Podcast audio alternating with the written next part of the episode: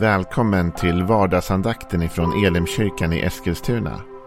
Det här är en podcast som kommer ut måndagar till fredagar. Om du vill veta mer om vilka vi är, vad vi tror på, hur du kan komma i kontakt med oss eller vad vi kan erbjuda dig för någonting så gå in på www.elimkyrkan.com. Får jättegärna gå in och likea vår Facebook-sida. Det är facebook.com elimeskilstuna. Eller så söker du upp oss på YouTube och då söker du på Elimkyrkan Eskilstuna. Vi vill jättegärna komma i kontakt med dig. Men nu lyssnar vi till dagens andakt. Välkommen till vardagsandakten. Vad roligt att du tar en stund av din dag att läsa Guds ord tillsammans med oss och fundera kring vad vi kan lära oss och vad vi kan ta till oss av det. Nu tänker jag att vi ska gå in i en psalm igen. Men den här psalmen är spännande för den är så kort. Den är bara några verser.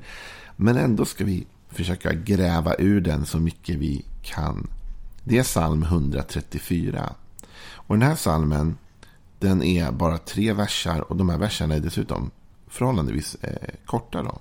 Så här står det, psalm 134. Rubriken i Svenska folkbibeln eh, 2015 är Lova Herren om natten. Och då står det. En pilgrimssång. Lova Herren, alla ni Herrens tjänare, som står i Herrens hus om natten. Lyft era händer mot helgedomen och lova Herren.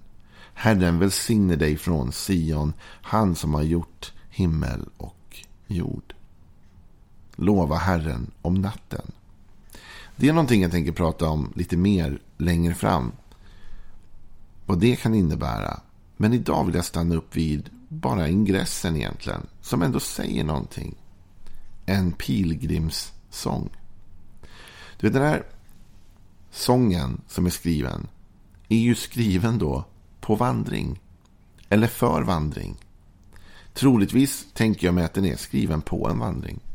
Alltså David kanske har varit ute och vandrat eller någon annan. Och så på vandringen när man förde fåren eller man gjorde något annat. Så kom tankar, reflektioner som man fick då.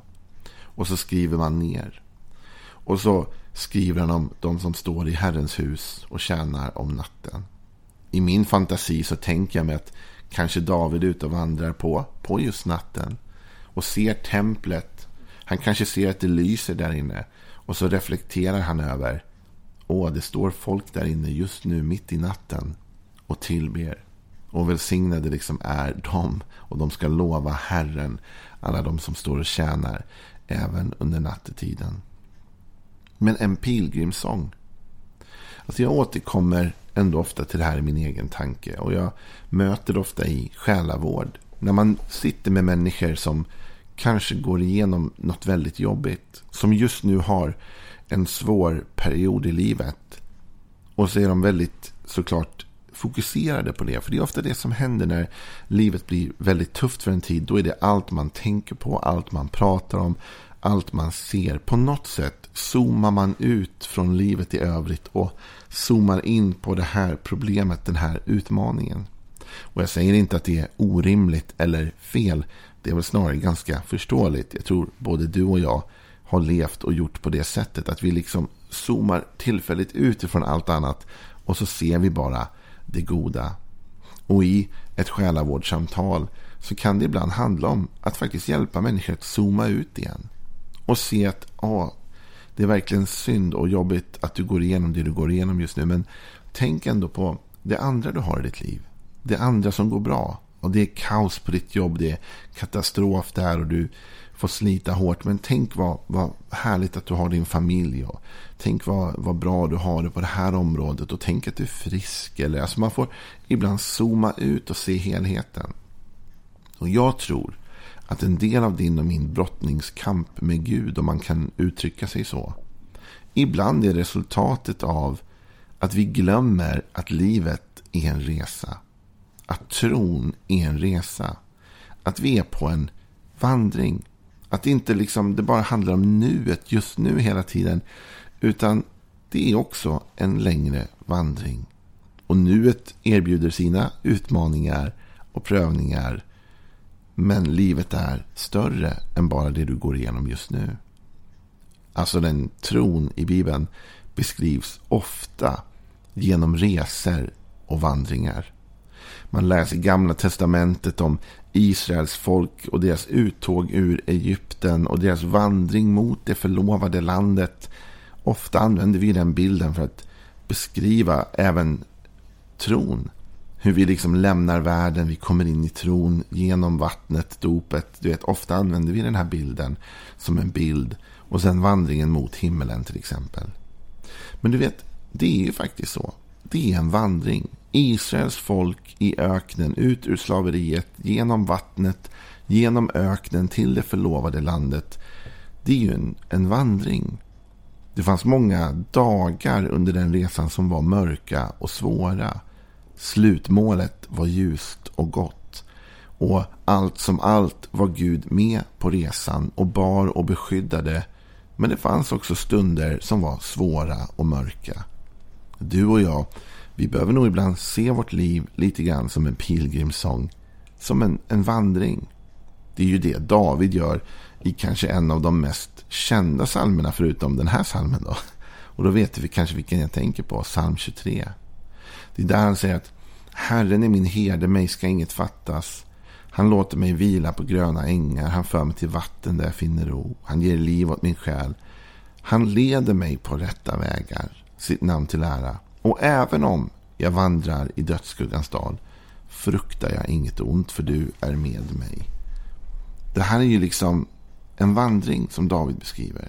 Han talar om att Gud tröstar honom och sen i slutet så säger han så här. Ja, godhet och nåd ska följa mig i alla mina livsdagar och jag ska bo i Herrens hus för alltid.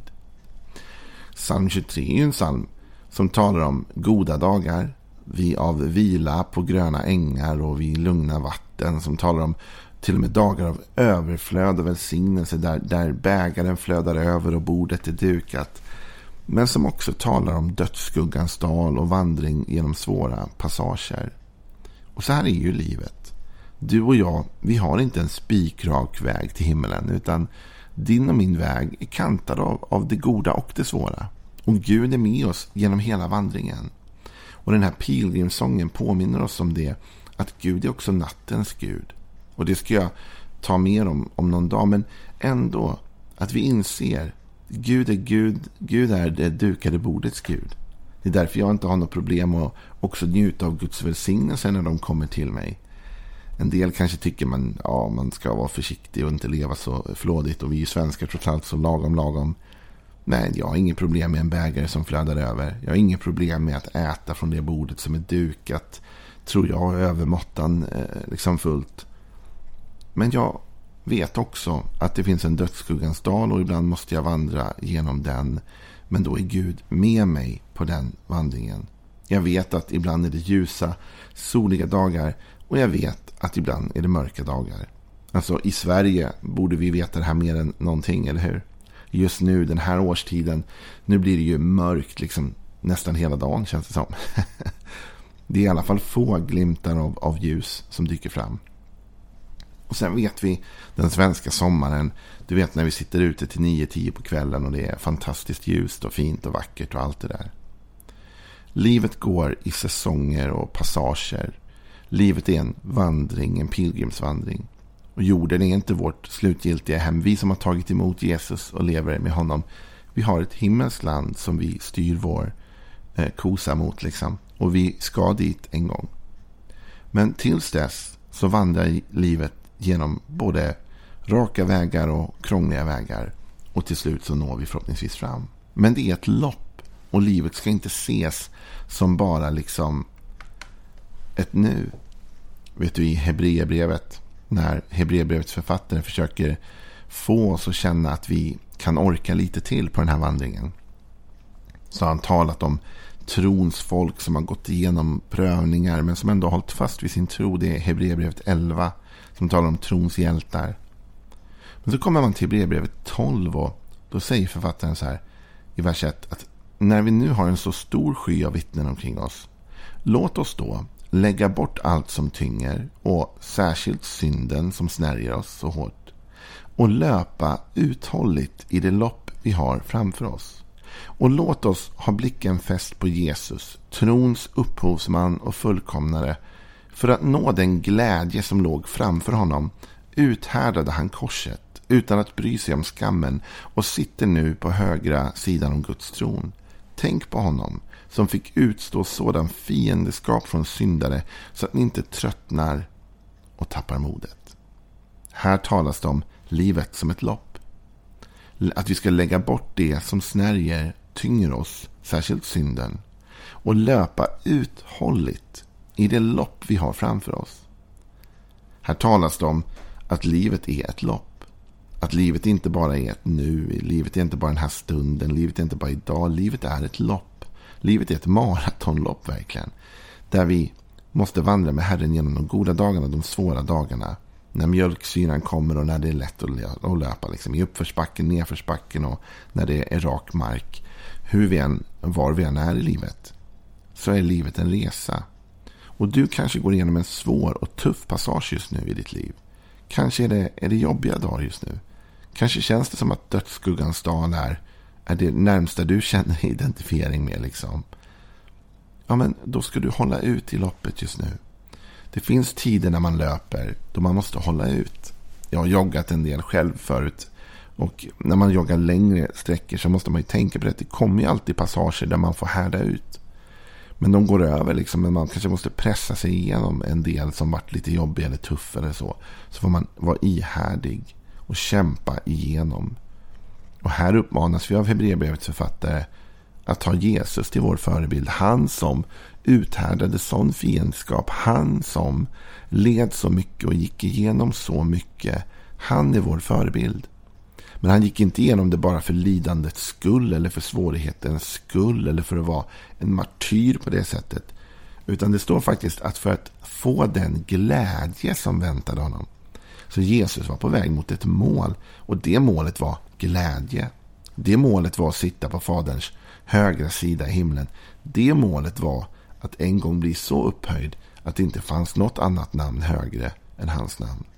Men för att komma dit var han tvungen att uthärda korset, uthärda skammen på hans pilgrimsresa, hans natt så att säga.